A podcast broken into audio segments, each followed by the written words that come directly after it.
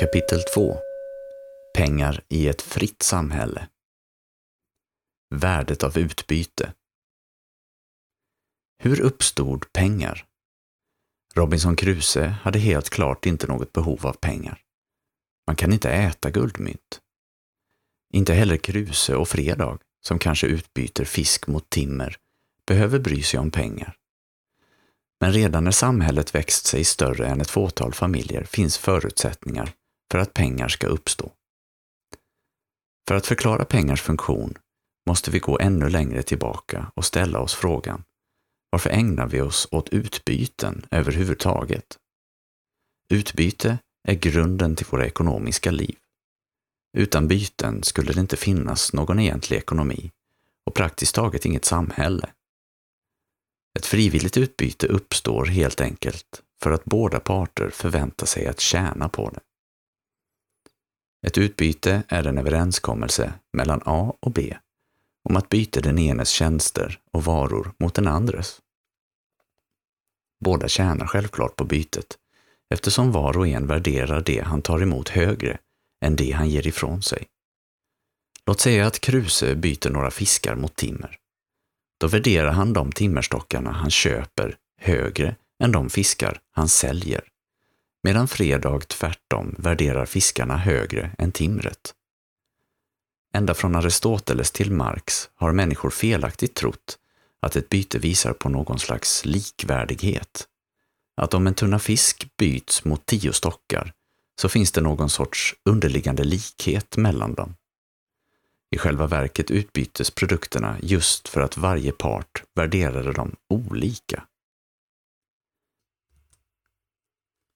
Hur kommer det sig att utbyten är så universella bland människor? Det beror i grund och botten på naturens stora variationsrikedom, skillnader hos människor och naturtillgångars olika placering. Alla människor har olika uppsättningar, färdigheter och begåvningar. Och varje bit mark har sina egna unika egenskaper, sina egna utmärkande resurser. Byten beror på detta externa och naturgivna faktum av mångfald. Vete i Kansas mot stål från Minnesota.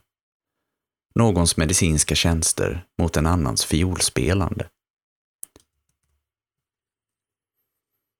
Specialisering låter var och en utveckla sina bästa färdigheter och låter varje region utveckla sina egna särskilda resurser. Om ingen kunde byta med andra och varje enskild människa tvingades till fullständig självförsörjning skulle de flesta av oss utan tvekan svälta ihjäl och resten skulle nätt och jämnt hålla sig vid liv. Utbyten är livsblodet, inte bara för vår ekonomi, utan för själva civilisationen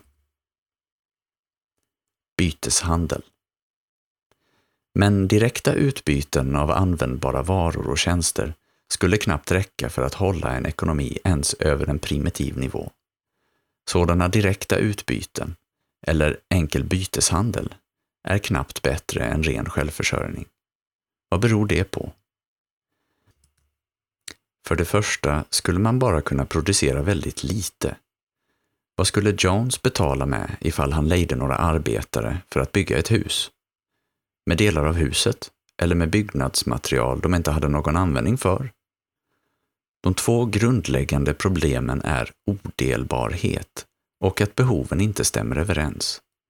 Om Smith alltså har en plog han skulle vilja byta mot ett flertal olika saker, låt säga ägg, bröd och en kostym, hur skulle han då bära sig åt?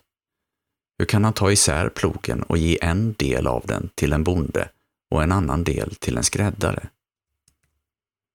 Även när varorna är delbara är det i allmänhet omöjligt för två byteshandlare att hitta varandra vid rätt tidpunkt. Hur kan A, som har ägg att sälja, sammanföras med B, som vill ha ett par skor, om A vill ha en kostym? Föreställ dig sedan problemet för en ekonomilärare som måste hitta en äggproducent som vill köpa ett antal ekonomilektioner för sina ägg. Helt uppenbart är alla former av civiliserad ekonomi omöjliga under direkt byteshandel. Indirekt byteshandel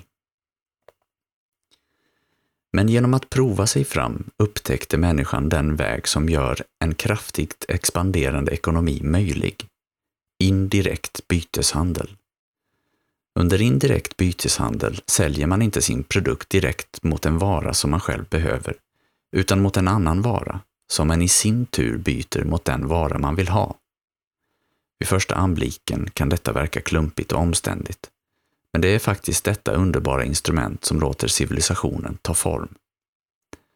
Ta fallet med bonden A som vill köpa skor av B. Eftersom B inte vill ha hans ägg letar han reda på det han faktiskt vill ha, låt säga smör. A byter sedan sina ägg mot C smör och säljer smöret till B i utbyte mot skorna. Först köper han smöret, inte för att han vill ha det själv, utan för att det låter honom komma över sina skor. Plogägaren Smith kommer på samma sätt att sälja sin plog mot en vara som är lättare att dela upp och sälja vidare, låt säga smör, för att sedan byta delar av smöret mot ägg, bröd, kläder etc. I båda fallen står smörets överlägsenhet, orsaken till att dess efterfrågan översteg den för ren konsumtion, att finna i dess högre säljbarhet.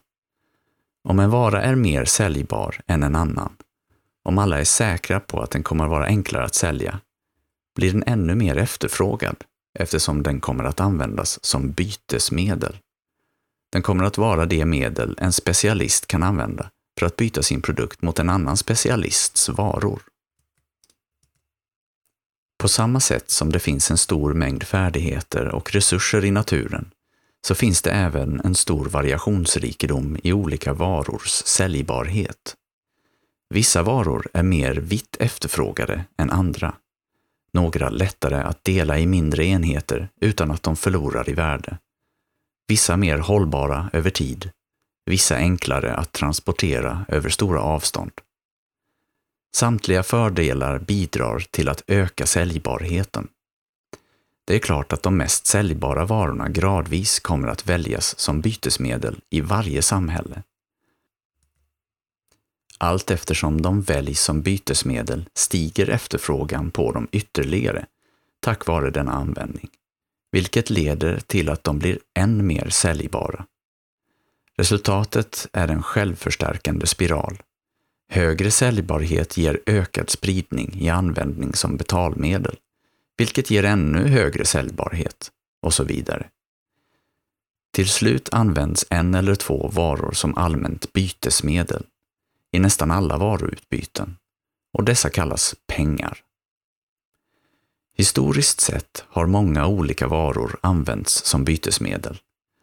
Tobak i det koloniala Virginia, socker i Västindien, salt i Abessinien, boskap i antikens Grekland, spikar i Skottland, koppar i forntida Egypten samt sädeskorn, pärlor, te, snäckskal och fiskkrokar.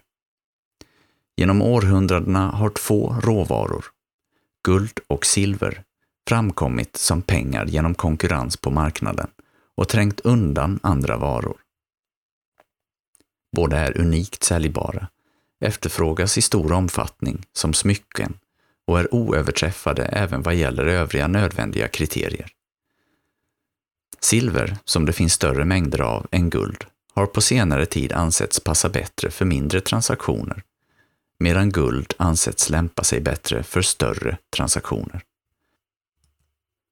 Oavsett varför så är det viktiga att den fria marknaden har funnit att guld och silver utgör de mest effektiva pengarna. Detta förlopp, den kumulativa framväxten av ett allmänt bytesmedel på den fria marknaden, är det enda sätt som pengar kan uppkomma på. Pengar kan inte uppkomma på något annat sätt.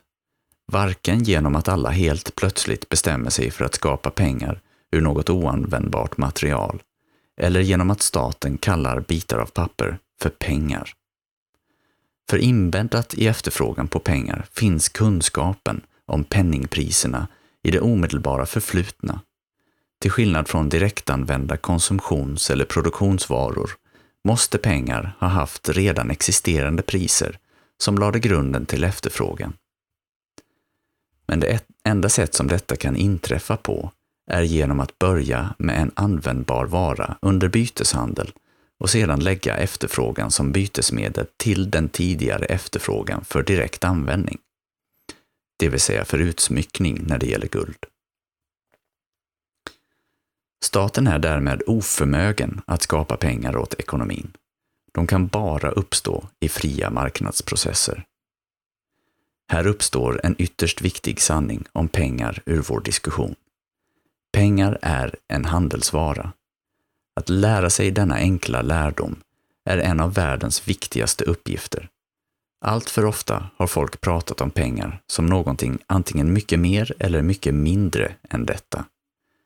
Pengar är inte abstrakta redovisningsenheter skilda från konkreta varor. De är inte värdelösa poletter som endast kan användas för byten. De är inte fordringar på samhället. De är inte garanter för en stabil prisnivå. Pengar är helt enkelt en handelsvara. De skiljer sig bara från andra varor genom att de i första hand efterfrågas som bytesmedel. Men bortsett från detta är pengar en vara och som alla varor har de en existerande mängd och efterfrågas för köp och innehav och så vidare.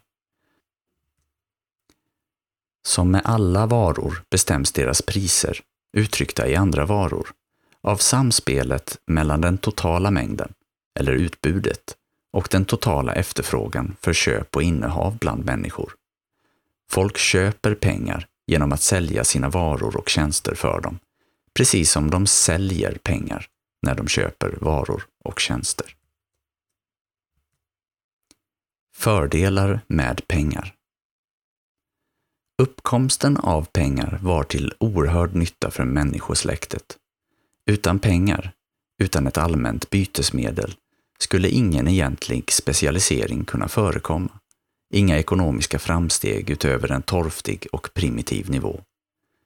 Med pengar upphör alla de problem med odelbarhet och behovsöverensstämmelse som plågade samhället under byteshandel. Nu kan Jones hyra arbetare och betala dem med pengar. Smith kan sälja sin plog i utbyte mot enheter av pengar. Penningvaran är delbar i små enheter och allmänt accepterad av alla. Således säljs alla varor och tjänster för pengar och pengarna används sedan för att köpa andra eftertraktade varor och tjänster. Tack vare pengar kan en utförlig produktionsstruktur ta form, där mark, arbetskraft och kapitalvaror samverkar till att föra produktionen vidare i varje led och erhålla betalning i form av pengar. Införandet av pengar innebär ytterligare en stor fördel. Eftersom alla utbyten görs i pengar och alla bytesförhållanden uttrycks i pengar kan man jämföra alla varors marknadsvärden med varandra. Om en TV går för 3 gram guld och en bil går för 60 gram guld så kan alla se att en bil är värd 20 TV-apparater på marknaden. Dessa byteskvoter är priser och penningvaran fungerar som gemensam nämnare för alla priser. Det är först när penningpriser införs på marknaden som en civiliserad ekonomi kan växa fram. Eftersom det bara är dessa som låter affärsmän kalkylera ekonomiskt. Dessa kan nu avgöra hur väl de tillfredsställer konsumenternas behov genom att jämföra sina produkters säljpriser med produktionsfaktorernas inköpspriser, deras kostnader. Eftersom samtliga priser uttrycks i pengar kan affärsmännen avgöra om de går med vinst eller förlust. Sådana kalkyler vägleder affärsmän, arbetare och markägare på marknaden i jakten på penninginkomst. Endast sådana kalkyler kan allokera resurser till deras mest produktiva användningsområden. Till de användningsområden som bäst kommer att tillfredsställa konsumenternas behov. Många läroböcker menar att pengar har många funktioner, som bytesmedel, bokföringsenheter eller värdemätare, värdebevarare etc. Men det borde stå klart att alla dessa funktioner bara är konsekvenser av den huvudsakliga funktionen. den som bytesmedel. På grund av att guld är ett allmänt medel har det överlägsen säljbarhet, kan lagras för att användas som medel i framtiden såväl som nu och alla priser uttrycks i enheter av det. Eftersom guld är ett allmänt varumedel för alla byten kan det tjäna som bokföringsenhet för nutida och förväntade framtida priser. Det är viktigt att förstå att pengar inte kan vara en abstrakt bokförings eller fordringsenhet annat än till den grad de tjänar som bytesmedel. Den monetära enheten Nu när vi har sett hur pengar uppstod och vad pengar gör kan vi ställa oss frågan hur används penningvara? I synnerhet, vad avgör mängden eller utbudet av pengar i samhället och hur utbyts det? För det första handlas de flesta materiella varor i viktenheter. Eftersom vikten är det som särskiljer en materiell handelsvara så handlas de i enheter som ton, pund, uns, korn, gram etc. Guld är inget undantag. Guld handlas i viktenheter precis som andra handelsvaror. Givetvis gör det ingen skillnad för ekonomen vilken storlek på den gemensamma enheten som handeln använder. Ett land med metersystemet kanske föredrar att räkna i gram, medan England eller Amerika kanske föredrar att räkna i korn eller uns. Alla viktenheter kan räknas om till varandra. Ett pund motsvarar 16 uns, ett uns motsvarar 28,35 gram, etc. Om vi antar att guld är det som väljs ut till pengar är storleken på den guldenhet som används för beräkningar oväsentlig. Jones kan sälja en rock för ett gulduns i Amerika eller för 28,35 gram i Frankrike. Båda priserna är identiska. Allt det här kan verka övertydligt, om det inte vore för att mycket av världens misär hade kunnat undvikas om man till fullo hade förstått dessa enkla sanningar. Till exempel betraktar nästan alla pengar som abstrakta enheter av något slag, knutna till ett visst land. Även i länder med guldmyntfot tänkte folk på liknande sätt. Amerikanska pengar var dollar, franska var frank, tyska var mark etc. Samtliga var förvisso kopplade till guld, men alla sågs som suveräna och oberoende, vilket gjorde det enkelt för länder att hoppa av guldmyntfoten. Men alla dessa namn var endast namn för viktenheter av guld eller silver. Det brittiska sterlingpundet betecknade ursprungligen ett viktpund av silver. Och dollarn då? Dollarn var från början det vedertagna namnet för ett silvermynt på ett uns som en böhmisk greve vid namn Schlick tillverkade på 1500-talet. Greven av Schlick levde i Joakimsdal eller Joakimstal. Grevens mynt blev vida kända för sin enhetlighet och renhet och kallades i folkmun för Joakims talers och till slut kort och gott för taler. Namnet dollar växte med tiden fram ur taler. På den fria marknaden är således de olika enheternas namn helt enkelt definitioner av viktenheter. Före 1933, när vi hade guldmyntsfot, brukade folk säga att guldpriset låg fast på 20 dollar per uns guld. Men detta var ett farligt och missvisande sätt att se på pengar. Faktum är att dollar definierades som namnet på en tjugondels uns guld, grovt räknat. Det var därför missvisande att tala om växelkurser mellan olika länders valutor. Sterlingpundet växlades egentligen inte mot 5 dollar. Dollarn definierades som en tjugondels gulduns och sterlingpundet var vid den tidpunkten definierat som namnet på en fjärdedels gulduns och handlades helt enkelt för fem tjugondelar skulduns. Dylika växlingar och ett sådant virvar av namn var självklart förvirrande och förledande. Hur det uppstod visas i kapitlet om statens trixande med pengar nedan. På en helt fri marknad skulle guld helt enkelt handlas direkt som gram eller uns och förvirrande namn som dollar, franc etc. skulle vara överflödiga. Därför kommer vi i denna avdelning att behandla pengar som om de handlades direkt i termer av uns eller gram. Utan tvekan kommer den fria marknaden att välja den storlek till gemensam enhet som är mest praktisk. Om platina var pengar skulle det sannolikt brytas i bråkdelar av ett uns. Om järn användes skulle det brytas i pund eller ton. Storleken gör självklart ingen skillnad för ekonomen. Pengars utformning Om den monetära enhetens storlek eller namn gör liten ekonomisk skillnad så gör inte heller dess form det.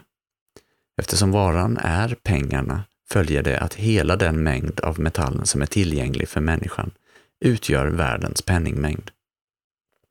Det gör ingen egentlig skillnad vilken form metallen har vid en given tidpunkt.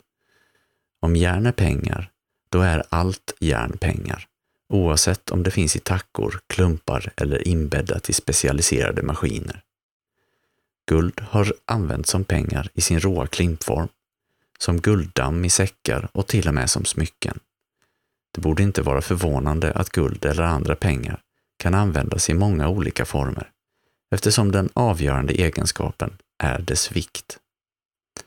Det stämmer förvisso att vissa former ofta är mer praktiska än andra. Under de senaste århundradena har guld och silver brutits ner till mynt för mindre och vardagliga transaktioner och till större tackor för större transaktioner. Annat guld omformas till smycken och andra ornament. Alla omformningar kostar dock tid, ansträngningar och andra resurser. Att utföra detta arbete kommer att vara en normal affärsverksamhet och priser för denna tjänst kommer att sättas på det vanliga sättet. De flesta håller med om att det är legitimt för smyckesmeder att skapa prydnader från rent guld, men förnekar ofta att samma sak gäller för tillverkning av mynt. Men på den fria marknaden är myntpräglingen i allt väsentligt som vilken annan affärsverksamhet som helst. På guldmyntfotens dagar trodde många människor att mynt på något sätt var mer riktiga pengar än vanligt opräglat guld, tackor eller andra former. Det är sant att mynt handlades till högre priser än tackor, men detta hade inte att göra med någon mystisk egenskap i själva mynten, utan för att det kostade mer att tillverka mynt från tackor än att smälta tillbaka mynten till tackor igen. På grund av denna skillnad värderades mynten högre på marknaden. Privat myntprägling Idén om privat myntprägling framstår som så främmande idag att den är värd att undersöka noggrant. Vi är vana vid att tänka på myntprägling som en nödvändighet för suveränitet. Men vi är trots allt inte bundna vid en kunglig förmånsrätt och den amerikanska föreställningen är att suveräniteten vilar hos folket och inte hos staten. Hur skulle privat mynttillverkning fungera? På samma sätt som vilken annan bransch som helst, som sagt. Varje myntpräglare skulle tillverka den storlek eller form på myntet som mest tilltalar hans kunder. Priset skulle sättas av marknadens fria konkurrens. Den vanliga invändningen är att det skulle innebära för många problem att väga eller värdera guldstycken vid varje enskild transaktion. Men vad hindrar privata mynttillverkare från att sätta sin egen prägel på myntet och garantera dess vikt och renhet? Privata myntpräglare kan garantera ett mynt minst lika bra som ett statligt myntverk. Klippta eller avskavda mynt skulle inte accepteras som mynt. Folk skulle använda de mynt vars tillverkare hade bäst rykte för högkvalitativa produkter. Vi har sett att det är just så dollarn kom att bli så framstående som konkurrenskraftigt silvermynt. Motståndare till privat myntprägling menar att bedrägeri skulle sprida sig som en löpeld. Samma motståndare skulle dock lita på statens myntprägling. Men om staten alls kan litas på, så skulle den väl säkerligen kunna anförtros åtminstone uppgiften att förebygga och bestraffa bedrägeri under privat myntprägling. Staten brukar vanligtvis rättfärdigas med att den förhindrar eller bestraffar bedrägeri, stöld eller andra brott. Men om staten inte klarar av att gripa brottslingen under privat myntprägling, hur tillförlitlig myntprägling kan man då hoppas på om de privata marknadsaktörernas integritet överges till förmån för ett statligt myntpräglingsmonopol? Om staten inte kan anförtros uppgiften att fördriva den sporadiska brottslingen från en fri myntmarknad, varför kan den då litas på om den har total kontroll över pengar, med makt att försämra eller förfalska mynt, eller på andra sätt med fullt rättsligt stöd agera som ensam brottsling på marknaden? Det är givetvis galet att säga att staten måste förstatliga all egendom för att hindra någon från att stjäla egendom. Men samma resonemang ligger bakom avskaffandet av privat myntprägling. Vidare bygger all modern verksamhet på garantier om standarder. Apoteket säljer en 100 ml flaska medicin. Köttförpackaren säljer ett kilo kött. Köparen förväntar sig att dessa garantier är korrekta, och det är de. Tänk också på de tusentals specialiserade och livsviktiga industriella produkter som måste möta väldigt snäva standarder och specifikationer. Köparen av en bult av en viss storlek måste få en i exakt den storleken, varken mindre eller större. Men trots detta har inte näringslivet brutit samman. Få människor skulle hävda att staten måste nationalisera verktygsindustrin som en del av sin uppgift att säkra standarder som skydd mot bedrägeri. Den moderna marknadsekonomin innehåller ett oändligt antal intrikata utbyten och de flesta av dem förlitar sig på kvantitets och kvalitetsstandarder. Men mängden bedrägerier ligger på ett minimum och detta minimum är i alla fall i teorin åtalbart. På samma sätt skulle det förhålla sig med privat myntprägling. Vi kan lita på att en myntpräglares kunder och hans konkurrenter skulle vara väldigt uppmärksamma på alla potentiella bedrägerier rörande myntens vikt eller renhet. Tillskyndarna av det statliga monopolet på myntprägling har hävdat att pengar skiljer sig från alla andra varor eftersom Greshams lag bevisar att dåliga pengar driver ut bra pengar från omlopp. Därmed kan man inte förlita sig på den fria marknadens förmåga att förse allmänheten med tillgång till bra pengar. Men denna formulering vilar på ett missförstånd av Greshams berömda lag. Vad lagen i själva verket säger är att pengar som är artificiellt övervärderade av staten kommer att driva ut pengar som är artificiellt undervärderade. Om något skulle det vara de dåliga mynten som drivs ut från marknaden. Men antag att staten dikterade att alla måste behandla de slitna mynten som jämbördiga med nya fräscha mynt och acceptera dem som likvärdiga vid reglering av skulder. Vad har staten i själva verket gjort? Den har med tvångsmedel infört en prisreglering på växelkursen mellan de båda mynttyperna. Genom att insistera på en bestämd kvot, trots att de slitna mynten borde behandlas till 10% rabatt, övervärderas de slitna mynten och de nya undervärderas. Som konsekvens kommer alla att använda de slitna mynten och hamstra eller exportera de nya. Att dåliga pengar driver ut bra pengar är därmed inte ett marknadsfenomen, utan ett direkt resultat av statliga marknadsingrepp. Privata mynt har blomstrat många gånger i historien trots att ständiga statliga trakasserier gjort förhållandena mycket svåra. De första mynten präglades av privata individer och guldsmeder i enlighet med vad som nära nog är att anse som lag. Att alla innovationer kommer från den fria marknaden och inte från staten. Faktum är att när stater först började monopolisera myntpräglingen så bar de kungliga mynten garantier från privata bankirer som allmänheten tydligen litade på långt mer än staten. Privat präglade mynt fanns i omlopp så sent som 1848 i Kalifornien. Den rätta mängden pengar.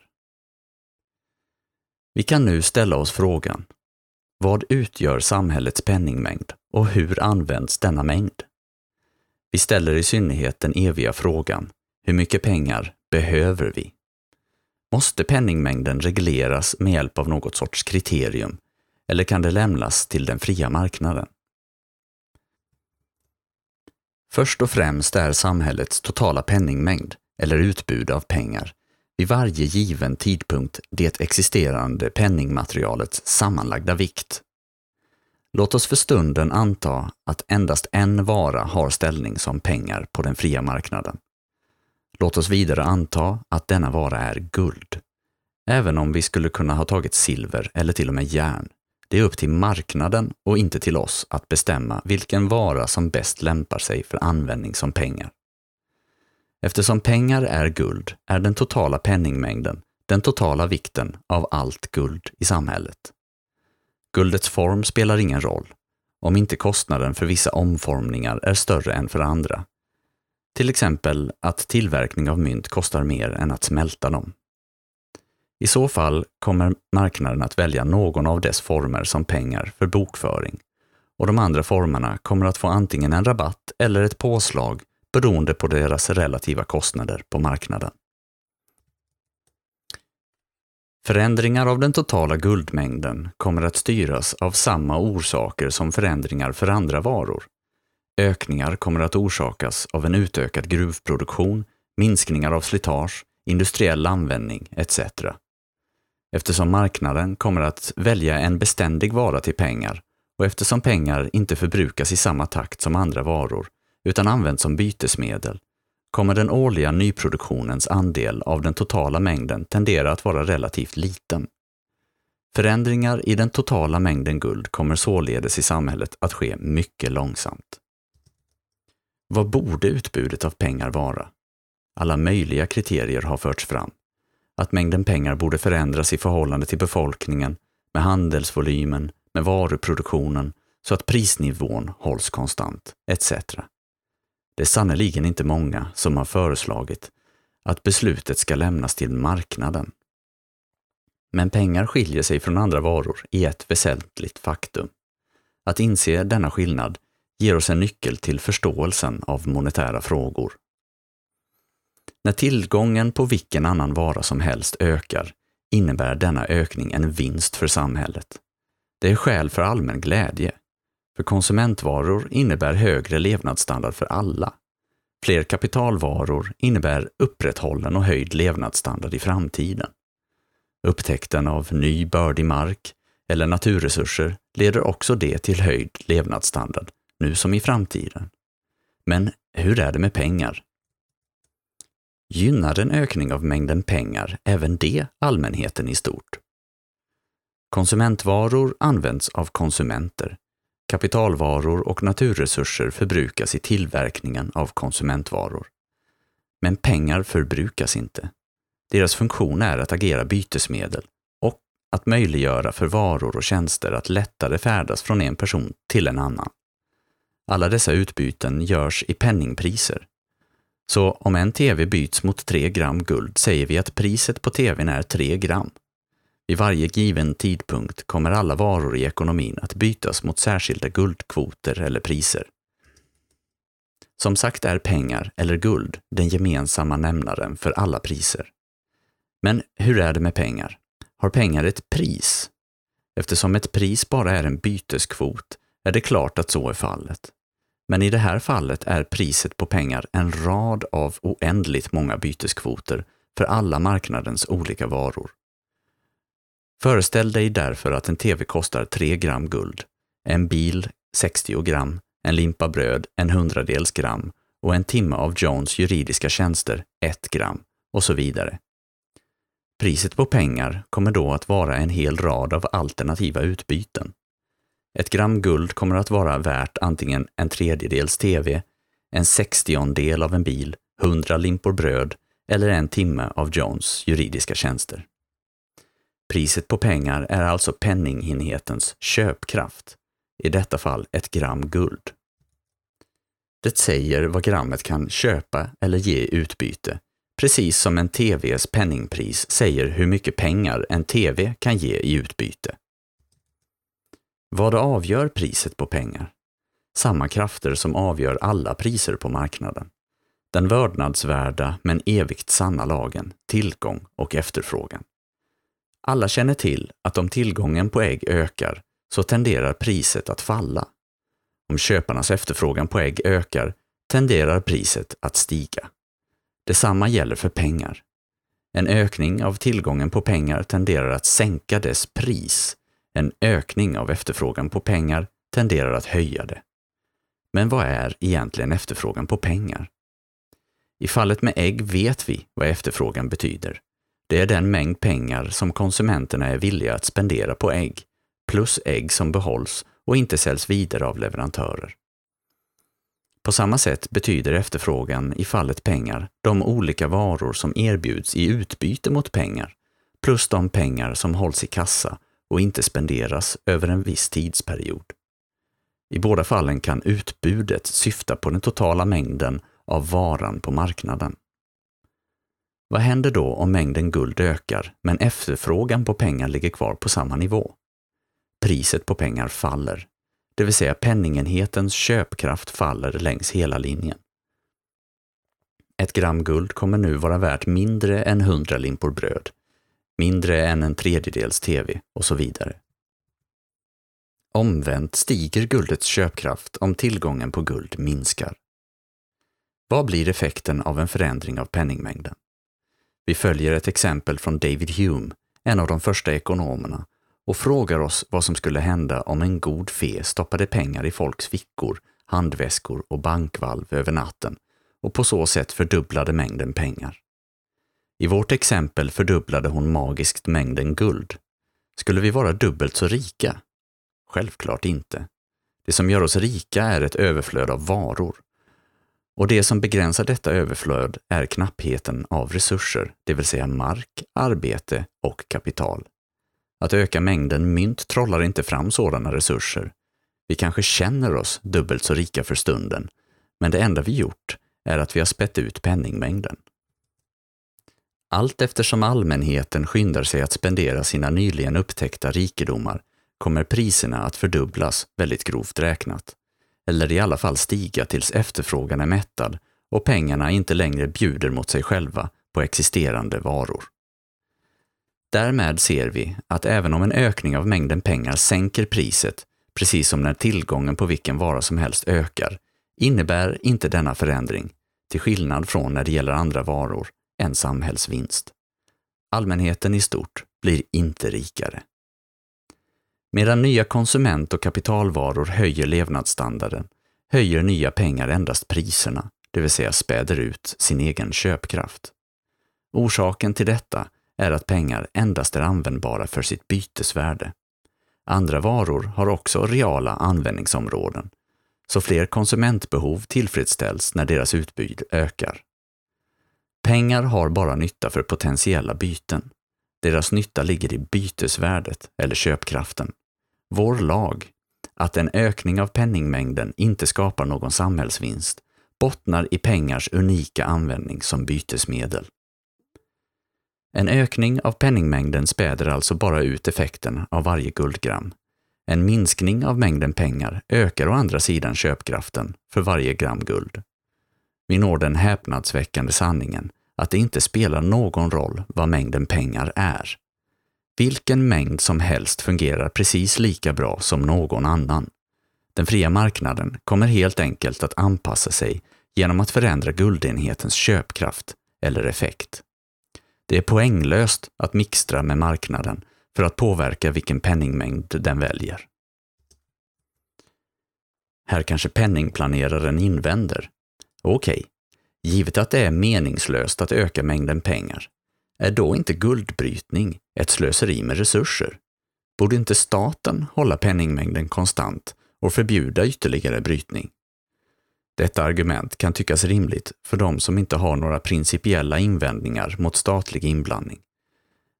Även om det inte skulle övertyga en fast besluten frihetsförespråkare. Invändningen missar dock en viktig poäng.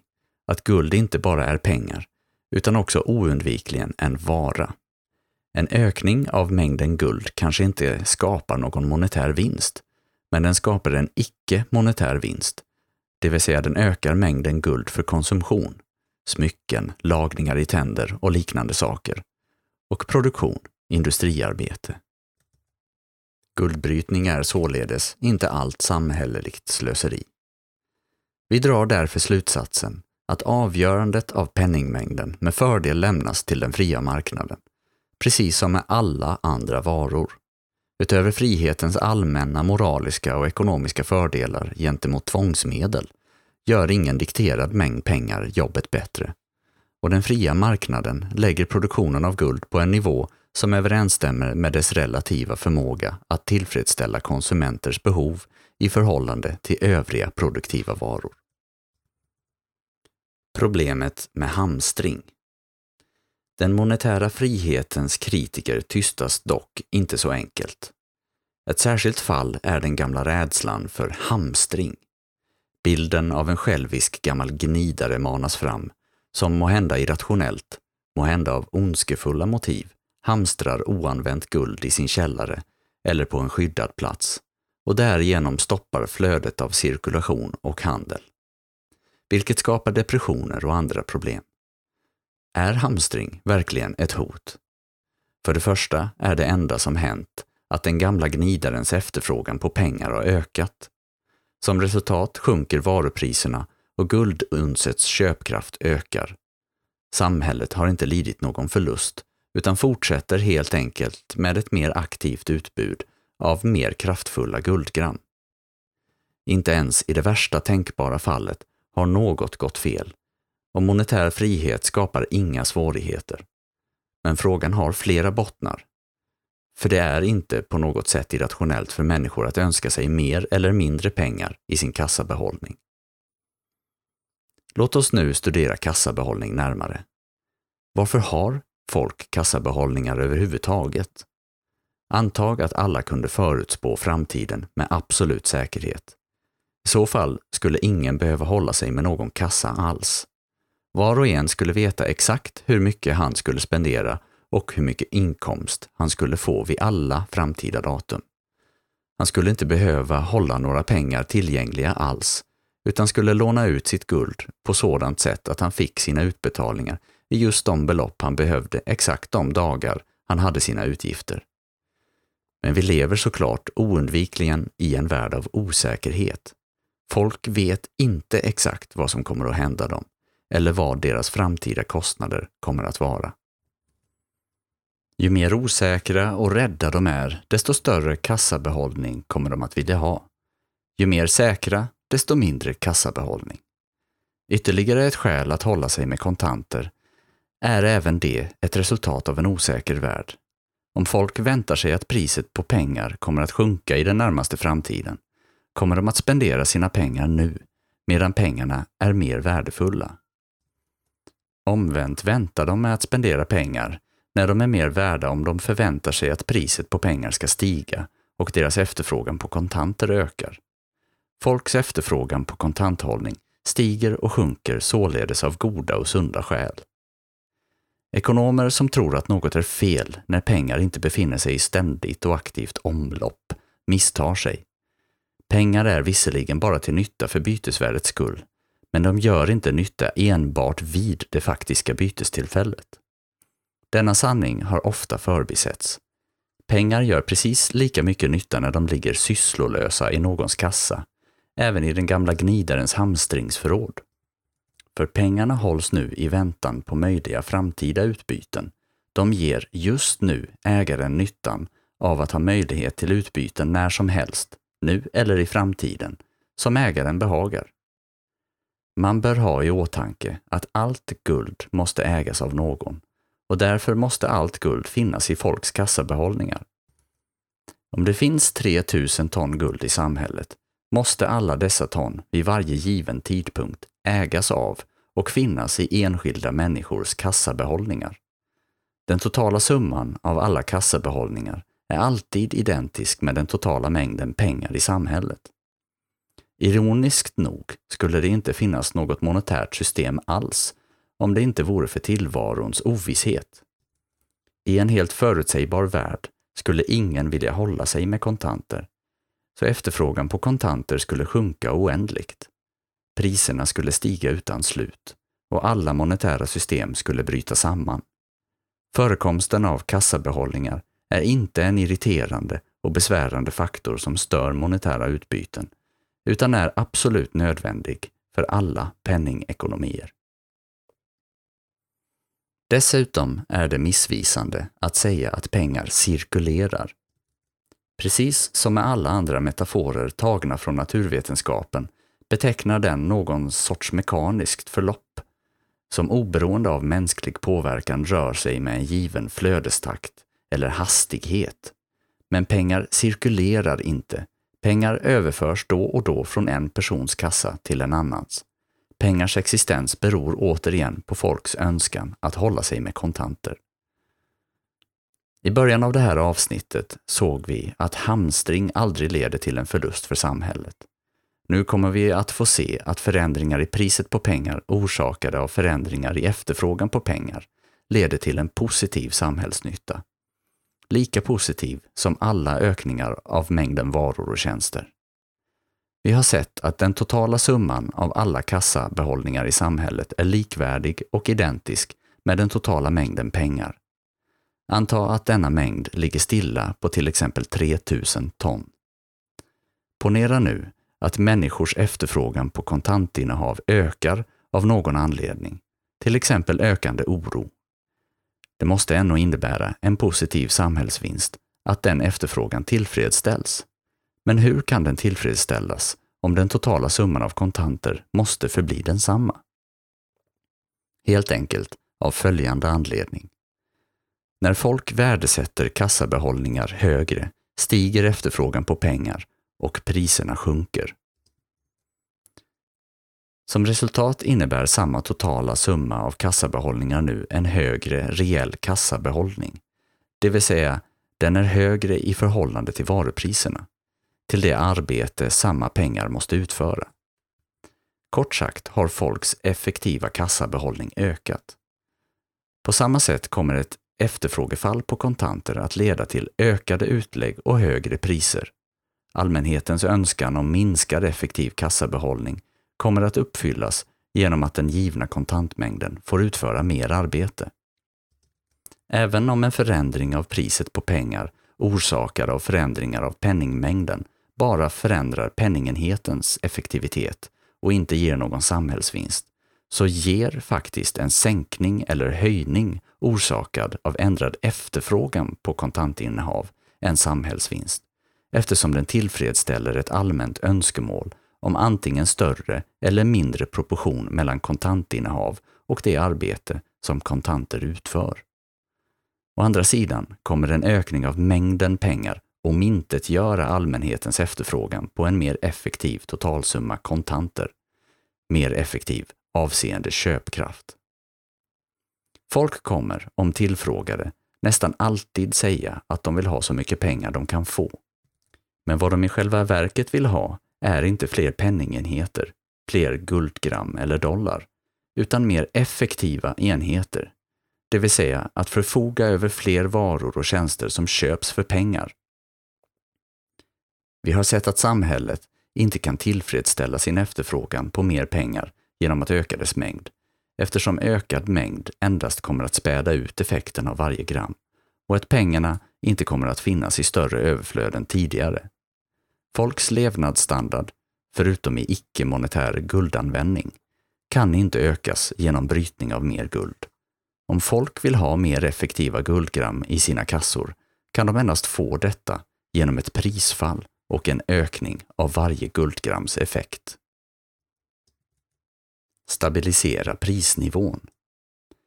Vissa teoretiker hävdar att ett fritt monetärt system vore oklokt eftersom det inte skulle stabilisera prisnivån, det vill säga priset på den monetära enheten. De menar att pengar är tänkta att utgöra en fast måttstock som aldrig förändras. Därför borde dess värde eller köpkraft stabiliseras. Eftersom det måste erkännas att priset på pengar skulle svänga på den fria marknaden måste friheten ge vika för statlig förvaltning så att stabiliteten kan säkerställas. Stabiliteten skulle till exempel skänka rättvisa åt långivare och låntagare som skulle kunna lita på att betala tillbaka med dollar eller guldgram av samma köpkraft som lånades ut. Men om långivare och låntagare vill skydda sig mot framtida förändringar av köpkraften kan de lätt göra det på den fria marknaden. När de gör upp sina avtal kan de komma överens om att återbetalning ska ske i en summa pengar justerad mot något på förhand överenskommet indexnummer som följer förändringar i penningvärdet. Stabilitetsförespråkarna har länge förespråkat sådana åtgärder. Men konstigt nog har långivare och låntagare, som mest av alla antas tjäna på stabilitet, sällan dragit nytta av denna möjlighet. Måste staten då tvinga vissa fördelar på folk som redan frivilligt har förkastat dem? Tydligen skulle affärsmännen, i denna värld av ofrånkomlig ovisshet, hellre chansa på sin förmåga att förutse marknadsförhållanden. Priset på pengar skiljer sig trots allt inte från andra fria priser på marknaden. De tillåts förändras när individers efterfrågan förändras. Varför då inte det monetära priset? Artificiell stabilisering skulle i själva verket allvarligt snedvrida och hindra marknaden i sin funktion.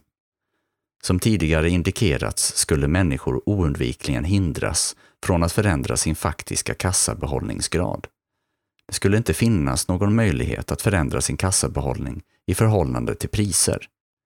Vidare nås allmänheten av ökad levnadsstandard genom frukten av kapitalinvesteringar. Ökad produktivitet tenderar att sänka priserna och kostnaderna och därmed att sprida den fria företagsamhetens frukter till hela allmänheten med höjd levnadsstandard för alla konsumenter. Att med tvång hålla uppe prisnivån förhindrar denna spridning av högre levnadsstandard. Pengar är kort sagt inte en fast måttstock. Det är en handelsvara som tjänar som bytesmedel. Att dess värde är flexibelt och motsvarar konsumenters efterfrågan är precis lika viktigt och precis lika gynnsamt som all annan fri prissättning på marknaden. Samexisterande pengar Så här långt har vi fått följande bild av pengar i en helt fri ekonomi. Guld eller silver framträder som bytesmedel. Guldmynt tillverkas av privata företag i konkurrens med varandra och handlas i viktmått. Priser sätts fritt på marknaden som svar på konsumentefterfrågan och tillgång på produktiva resurser. Prisfrihet innebär med nödvändighet rörelsefrihet för penningenhetens köpkraft. Det vore omöjligt att ingripa i penningvärdets skiftningar med tvångsmedel utan att samtidigt handikappa prisfriheten för samtliga varor. Den resulterande fria ekonomin skulle inte vara kaotisk. Tvärtom skulle ekonomin snabbt och effektivt söka tillgodose konsumenters önskemål. Även penningmarknaden kan vara fri. Hittills har vi förenklat problemet genom att anta att det bara finns en monetär metall, till exempel guld. Anta att två eller flera pengar fortsätter att vara i omlopp på världsmarknaden. Låt säga guld och silver. Det är möjligt att guld kommer att vara pengar i ett område och silver i ett annat. Eller så kan båda användas sida vid sida. Guld skulle till exempel kunna användas för större transaktioner och silver för mindre på grund av det högre marknadsvärdet per gram. Skulle inte två pengar bli ohållbart kaotiskt? Skulle inte staten bli tvungen att kliva in och tvinga fram ett bestämt förhållande mellan de båda? Bimetallism. Eller på något annat sätt avmonetarisera den ena eller andra metallen. Alltså fastslå en enhetlig standard. Det är mycket möjligt att marknaden, given fritt spelutrymme, till slut etablerar endast en metall som pengar. Men silver har envist fortsatt att utmana guld de senaste århundradena. Staten behöver dock inte kliva in för att rädda marknaden från dess egna dårskap om den skulle fortsätta att acceptera två pengar. Silver förblev i omlopp just för att det var bekvämt, till exempel som växelpengar. Silver och guld skulle med lätthet kunna vara i omlopp sida vid sida och har varit så förr. Förhållandet mellan tillgång och efterfrågan på de båda metallerna kommer att sätta växelkurser mellan dem. Och denna kurs kommer precis som alla andra priser att förändras kontinuerligt som svar på dessa rörliga krafter. Silver och guld skulle till exempel kunna handlas till en kurs av 16 mot 1 vid en viss tidpunkt, 15 mot 1 vid en annan tidpunkt, etc. Vilken metall som skulle tjäna som beräkningsenhet beror på marknadens särskilda omständigheter. Om det är guld som är beräkningsenhet kommer de flesta transaktioner att räknas i guldgram och silvergram handlas till ett fritt svängande pris uttryckt i guld. Det borde framgå att växelkursen och de båda metallenheternas köpkraft alltid kommer att tendera att vara proportionerliga. Om varupriser är 15 gånger högre i silver än i guld kommer växelkursen tendera att sättas till 15 mot 1. Om inte kommer det löna sig att byta från den ena till den andra tills paritet uppnås. Om priserna är 15 gånger så höga uttryckta i silver som i guld, när silver och guld står i 20 mot 1, kommer folk att skynda sig att sälja sina varor för guld, köpa silver och sedan köpa tillbaka varorna med silver och därigenom kamma hem en fin vinst. Detta kommer snabbt att återställa växelkursens köpkraftsparitet. I takt med att guld blir billigare i termer av silver stiger varornas silverpriser och varornas guldpriser sjunker. Den fria marknaden är kort sagt i allra högsta grad välordnad. Inte bara när pengarna är fria, utan även när fler än en sorts pengar är i omlopp. Vilken sorts standard kommer fria pengar att erbjuda? Det viktiga är att standarden inte påtvingas någon med statliga påbud. Om marknaden lämnas i fred kan den komma att inrätta guld som enda pengar, guldmyntfot, silver som enda pengar, silvermyntfot eller kanske mest sannolikt båda som pengar med fritt svängande växelkurser, parallella standarder.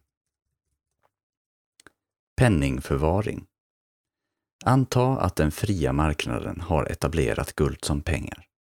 Vi bortser återigen från silver för enkelhetens skull. Till och med i den praktiska formen av mynt är guld ofta besvärligt och krångligt att bära omkring på och använda direkt vid transaktioner. För större transaktioner är det besvärligt och dyrt att transportera hundratals kilo guld. Men den fria marknaden, alltid redo att tillfredsställa samhällsbehov, kommer till undsättning. Guldet måste för det första förvaras någonstans och precis som specialisering är det mest effektiva i andra branscher kommer det att vara det mest effektiva i förvaringsbranschen också. Vissa firmor kommer att nå framgång på marknaden genom att erbjuda förvaringstjänster. Somliga kommer att förvara guld åt otaliga ägare. Precis som för alla förvaringar slås ägarens rätt till de förvarande varorna fast med ett förvaringskvitto som han får vid inlämningen av varorna. Kvittot ger ägaren rätt att göra anspråk på sina varor när han vill. Denna förvaringsfirma kommer att tjäna sina pengar på samma sätt som alla andra, det vill säga genom att ta betalt för sina förvaringstjänster. Det finns goda skäl att anta att guldförvaring eller penningförvaring kommer att frodas på den fria marknaden på samma sätt som andra förvaringar frodas. Faktum är att förvaringar spelar en än viktigare roll i fallet pengar eftersom alla andra varor konsumeras och måste således lämna lagret efter ett tag för att förbrukas i produktion eller konsumtion. Men som vi har sett brukas inte pengar rent fysiskt. Istället används de genom byten mot andra varor och genom att ligga kvar i väntan på sådana utbyten i framtiden. Kort sagt, förbrukas inte pengar utan överförs snarare från en person till en annan. I en sådan situation leder bekvämlighet oundvikligen till överföringar av förvaringskvitton istället för av det fysiska guldet i sig. Antag till exempel att Smith och Jones båda förvarar sitt guld i samma lager. Jones säljer en bil till Smith för 100 gram guld. De skulle kunna gå igenom hela den kostsamma processen av att Smith löser in sitt kvitto och flyttar guldet till Jones kontor, följt av att Jones går tillbaka direkt och sätter in guldet igen. Men de kommer utan tvekan att välja en mycket bekvämare väg. Smith ger helt enkelt Jones ett förvaringskvitto på 100 gram guld. På detta sätt kommer förvaringskvitton för pengar mer och mer att börja fungera som penningsubstitut. I färre och färre transaktioner flyttas det faktiska guldet. I fler och fler fall används istället skrivna rätter till guldet. Allt eftersom marknaden utvecklas kommer det att finnas tre begränsande faktorer för denna substitutionsprocess. En är i vilken omfattning folk använder dessa penningsförvaringar, kallade banker, istället för kontanter. Uppenbarligen skulle Smith behöva transportera det faktiska guldet om Jones av någon anledning inte ville använda en bank. Den andra begränsningen är omfattningen av varje banks kundkrets. Med andra ord måste mer guld transporteras desto fler transaktioner mellan kunder till olika banker som sker. Ju fler utbyten som görs av kunder till samma bank, desto mindre behov av transportering av guldet. Om Jones och Smith var kunder hos olika förvaringar skulle Smiths bank, eller Smith själv, behöva transportera guldet till Jones bank. För det tredje måste kunderna känna sig säkra på sina bankers tillförlitlighet. Om de till exempel plötsligt upptänker att bankens tjänstemän har ett kriminellt förflutet kommer banken sannolikt att förlora kunder snabbt. I detta avseende är alla förvaringsfirmor och alla företag som är beroende av ett gott rykte lika. När bankerna växer och får mer förtroende kan det hända att deras kunder många gånger finner det mer bekvämt att avstå från sin rätt till papperskvitton, kallade sedlar, och istället har sina rätter i en räkenskapsbok. I monetära sammanhang har detta kallats bankinsättning. Istället för att överföra papperskvitton har kunden ett anspråk i en räkenskapsbok på banken. Han genomför utbyten genom att skriva en order till förvaringen om att överföra delar av sitt konto till någon annan. Smith kommer alltså i vårt exempel att beordra banken att överföra rätten till 100 gram till Jones. Denna skrivna order kallas för en check. Det måste understrykas att det ekonomiskt sett inte är någon som helst skillnad på sedlar och insättningar. Båda är ägaranspråk på guld i förvar. Båda överförs på samma sätt som penningsubstitut och hur utbredd användningen av dem är begränsas av samma tre faktorer i båda fallen.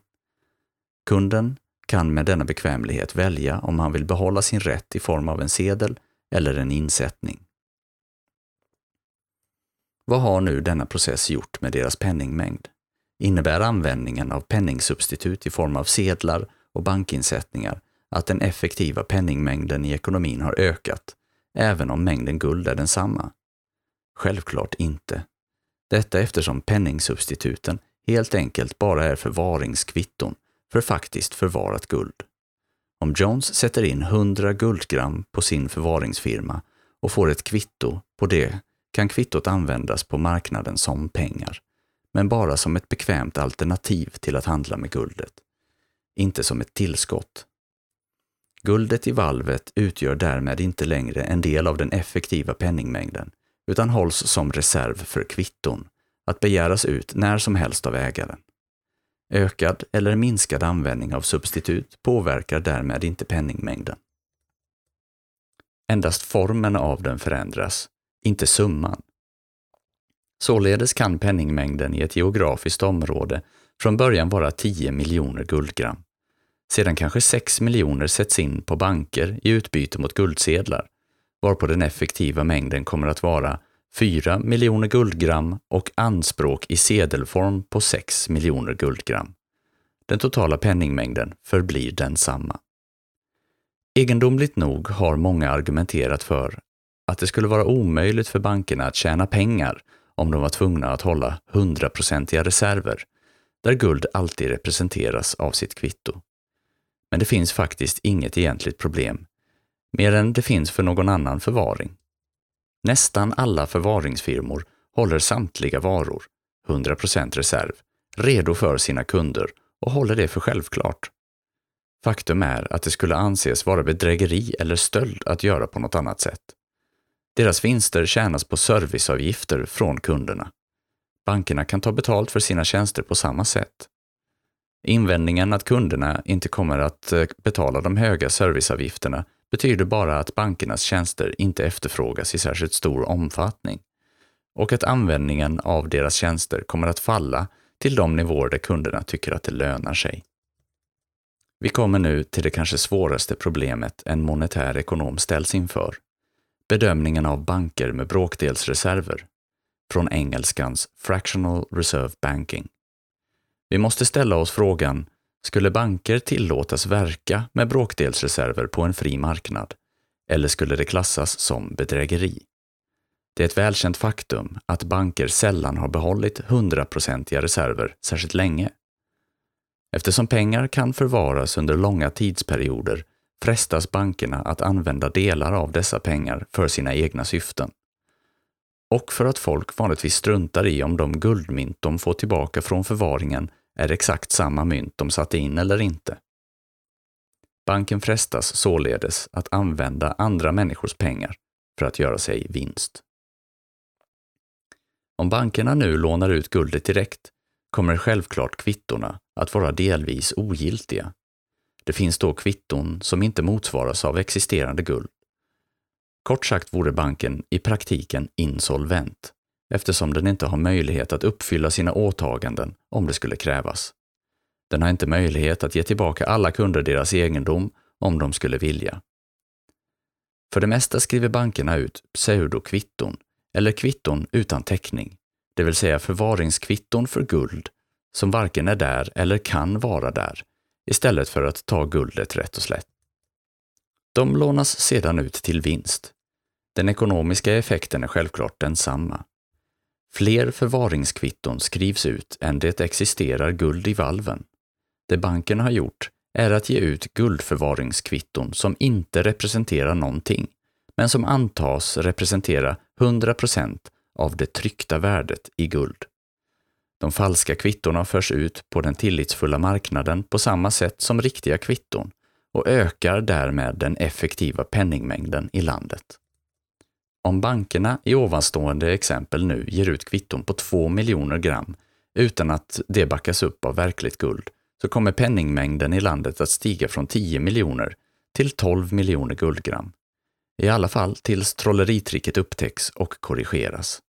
Det finns nu penningsubstitut motsvarande 8 miljoner gram utöver de 4 miljoner guldgram som innehas av allmänheten, varav endast 6 miljoner har täckning i guld. Utgivning av sådana pseudokvitton är precis som förfalskning av mynt ett exempel på inflation, vilket kommer att studeras mer ingående nedan. Inflation kan definieras som varje ökning av tillgången på pengar i en ekonomi som inte utgörs av en ökning av mängden penningmetall. Banker med bråkdelsreserver är således till sin natur inflationistiska institutioner. Bankernas tillskyndare svarar så här. Bankerna fungerar precis som alla andra företag. De tar risker. Visserligen skulle bankerna gå i konkurs om alla insättare krävde tillbaka sina pengar, eftersom mängden utfärdade kvitton överträffar mängden guld i valven. Men bankerna bär helt enkelt risken att alla inte kommer att fråga efter sitt guld, vanligtvis med rätta. Den stora skillnaden mellan en bank med bråkdelsreserver och alla andra företag är denna. Andra affärsmän använder sitt eget eller lånat kapital i sina satsningar. Och om de lånar kredit lovar de att betala tillbaka vid ett framtida datum och att se till att ha tillräckligt med pengar till hands för att uppfylla sina åtaganden. Om Smith lånar 100 gram guld i ett år kommer han att se till att ha 100 gram guld tillgängligt vid detta datum. Men banken lånar inte från sina insättare. De lovar inte att betala tillbaka guld vid ett särskilt datum i framtiden. Istället lovar den att när som helst betala ut guld för kvittot på begäran. Kort sagt är en banksedel eller insättning inte en skuldsedel. Den är ett förvaringskvitto med anspråk på andra människors egendom. Dessutom ökar inte en affärsman penningmängden när han lånar in eller ut pengar. De lånade pengarna är sparade pengar, delar av den existerande penningmängden som överförs från sparare till låntagare.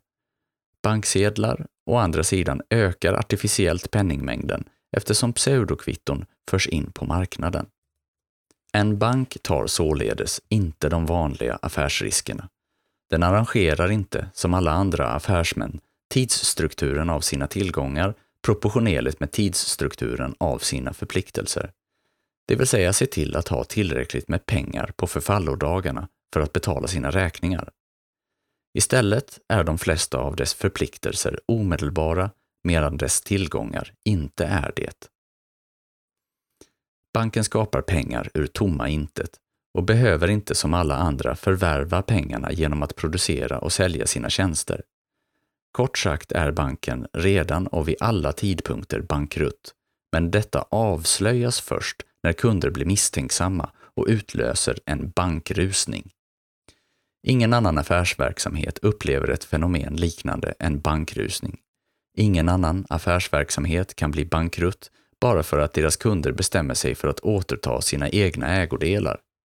Ingen annan affärsverksamhet skapar fiktiva nya pengar som går upp i rök när de testas på riktigt. De ödesdigra ekonomiska effekterna av förekomsten av bråkdelspengar kommer att undersökas i nästa kapitel. Här drar vi slutsatsen att sådana bankaffärer moraliskt sett inte skulle ha större existensberättigande på en verkligt fri marknad än andra former av implicit stöld. Det är sant att det inte faktiskt står skrivet på sedeln eller insättningen. Att förvaringsfirman lovar att hålla full täckning av guld hela tiden. Men banken utlovar faktiskt inlösen på begäran. Så redan när den ger ut falska kvitton begår den bedrägeri eftersom det omedelbart blir omöjligt för banken att hålla sitt löfte att lösa in alla sedlar och insättningar. Bedrägeriet begås därför direkt vid skapandet av falska kvitton. Exakt vilka kvitton som är bedrägliga kan endast upptäckas efter att bankrusningen inträffat, eftersom alla kvitton ser likadana ut. Och de sistkommande fordringsägarna lämnats åt sitt öde. Om bedrägeri ska förbjudas i ett fritt samhälle måste bankverksamhet med bråkdelsreserver gå samma öde till mötes. Anta emellertid att bedrägeri och bråkdelsreserver tillåts och att bankerna bara behöver uppfylla sina förpliktelser om inlösen av guld på begäran. Att inte göra det skulle innebära omedelbar konkurs. Ett sådant system har kommit att kallas ett fribanksystem. Skulle det leda till omfattande bedräglig utgivning av penningsubstitut med artificiellt skapade nya pengar som följd? Många människor har antagit det och trott att vildkattsbanker helt enkelt skulle inflatera penningmängden astronomiskt. Men fribanker skulle tvärtom leda till ett betydligt hårdare penningsystem än vad vi har idag. Bankerna skulle hållas i schack av samma tre faktorer som vi noterade ovan och med väldigt stränga kontroller. I första hand skulle varje banks expansion begränsas av en förlust av guld till en annan bank. För en bank kan bara öka penningmängden inom gränsen för den egna kundbasen. Antag nu till exempel att bank A med 10 000 insatta guldgram ger ut falska förvaringskvitton till 2 000 gram guld och lånar ut dem till diverse företag eller investerar dem i värdepapper. Låntagaren eller tidigare innehavaren av värdepapper kommer att lägga de nya pengarna på olika varor och tjänster. Till slut kommer pengarna som skickas runt att nå en ägare som är kund hos en annan bank. Vid det laget kommer bank B begära att bank A löser in guldkvittot så att guldet kan överföras till bank Bs förvar. Det är tydligt att ju större kundkrets varje enskild bank har och ju mer kunderna handlar med varandra, desto större möjlighet har varje enskild bank att expandera sin kredit och penningmängd. För om bankens kundkrets är liten kommer den strax efter att ha gett ut nya pengar att nås av krav på inlösen. Och som vi har sett har den inte ekonomiska resurser till att lösa in mer än en del av sina betalningsskyldigheter. För att undvika hotet om konkurs från detta håll måste banken hålla en större andel guld i reserv ju mindre kundkrets den har och kan därför inte expandera lika mycket. Om varje land bara har en bank kommer det finnas klart större möjligheter till expansion än om det fanns en bank för varannan person i samhället. Allt annat lika kommer penningmängden därmed att vara hårdare och bättre ju fler banker det finns och ju mindre de är. På samma sätt kommer en enskild banks kundkrets även att begränsas av de som inte använder någon bank alls. Ju fler människor som använder faktiskt guld istället för banksedlar, desto mindre utrymme finns det för bankinflation. Men anta att bankerna bildar en kartell och kommer överens om att betala ut varandras kvitton utan att lösa in dem. Anta vidare att man allmänt använder banksedlar. Finns det några gränser kvar för bankexpansionen? Ja, kundernas förtroende för banken finns kvar som återhållande faktor. Allt eftersom bankkrediten och penningmängden expanderar mer och mer kommer fler och fler kunder att börja oroa sig för minskningen av reservkvoten. Och i ett verkligt fritt samhälle kommer de som vet sanningen om banksystemets faktiska obestånd att ha möjlighet att bilda antibankföreningar för att uppmana kunderna att hämta ut sina pengar innan det är för sent. Kort sagt kommer föreningar som manar till bankrusningar eller hotet om sådana föreningar att kunna stoppa och vända den monetära expansionen. Inget i denna diskussion är tänkt att kasta någon skugga över kreditgivning i allmänhet som fyller en viktig och nödvändig funktion på den fria marknaden. I en kredittransaktion byter ägaren av pengar, en vara användbar i nutiden, mot en skuldsedel som förfaller vid något framtida datum. Skuldsedeln är en framtida vara och räntekostnaden återspeglar det högre värdet som nutida varor har jämfört med framtida varor på marknaden. Men banksedlar eller insättningar är inte kredit. De är förvaringskvitton, ögonblickliga anspråk på pengar, exempelvis guld i bankvalven. Låntagaren ser till att betala sin skuld när det är dags. Bankiren med bråkdelsreserver kan aldrig betala tillbaka annat än en liten del av de utstående betalningsskyldigheterna. I nästa kapitel kommer vi att studera de olika formerna av statliga interventioner i penningsystemet. De flesta av dem skapades inte för att motverka bedräglig utgivning av pengar, utan tvärtom för att ta bort dessa och andra naturliga spärrar mot inflation. Sammanfattning Vad har vi lärt oss om pengar i ett fritt samhälle? Vi har lärt oss att alla pengar har uppstått och måste uppstå ur en användbar vara som blivit till bytesmedel på den fria marknaden. Penningenheten är helt enkelt en viktenhet av den monetära varan, vanligtvis en metall som guld eller silver. I ett fritt samhälle kommer de varor som väljs till pengar, deras form och hur de ser ut att lämnas till fria individers frivilliga beslut. Privat myntprägling är därför lika legitimt och värdefullt som all annan affärsverksamhet. Priset på pengar är dess köpkraft i termer av alla varor i ekonomin och det bestäms av dess utbud samt av varje individs efterfrågan på pengar. Alla försök av staten att fixera priset kommer att gå emot tillfredsställandet av folks efterfrågan på pengar. Om människor finner det bekvämare att använda fler än en metall som pengar kommer växelkursen på marknaden dem emellan att bestämmas av den relativa efterfrågan och tillgången och kommer att vara ungefär lika med kvoten mellan deras respektive köpkrafter. När tillgången på en metall väl är tillräckligt stor för att låta marknaden välja den till pengar kan ingen ökning av tillgången förbättra dess monetära funktion. En ökning av penningmängden kommer då enbart att späda ut effekten av varje guld eller silvergram utan att hjälpa ekonomin. En ökning av utbudet av guld eller silver tillfredsställer dock flera av metallens icke-monetära behov, smycken, industri etc. och är därför till nytta för samhället. Inflation, en ökning av penningsubstitut som inte täcks av en ökning av mängden metall, är aldrig till nytta för samhället utan gynnar bara en viss grupp människor på bekostnad av en annan.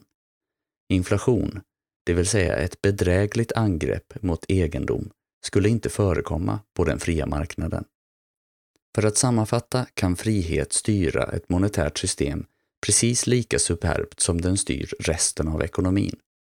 Till skillnad från vad många skribenter tror är det inget särskilt med pengar som kräver omfattande statliga föreskrifter. Även här kommer fria människor att tillfredsställa alla sina ekonomiska behov på bästa och smidigaste sätt. För pengar, liksom för alla andra mänskliga aktiviteter, gäller att frihet är inte ordningens dotter, utan dess mor.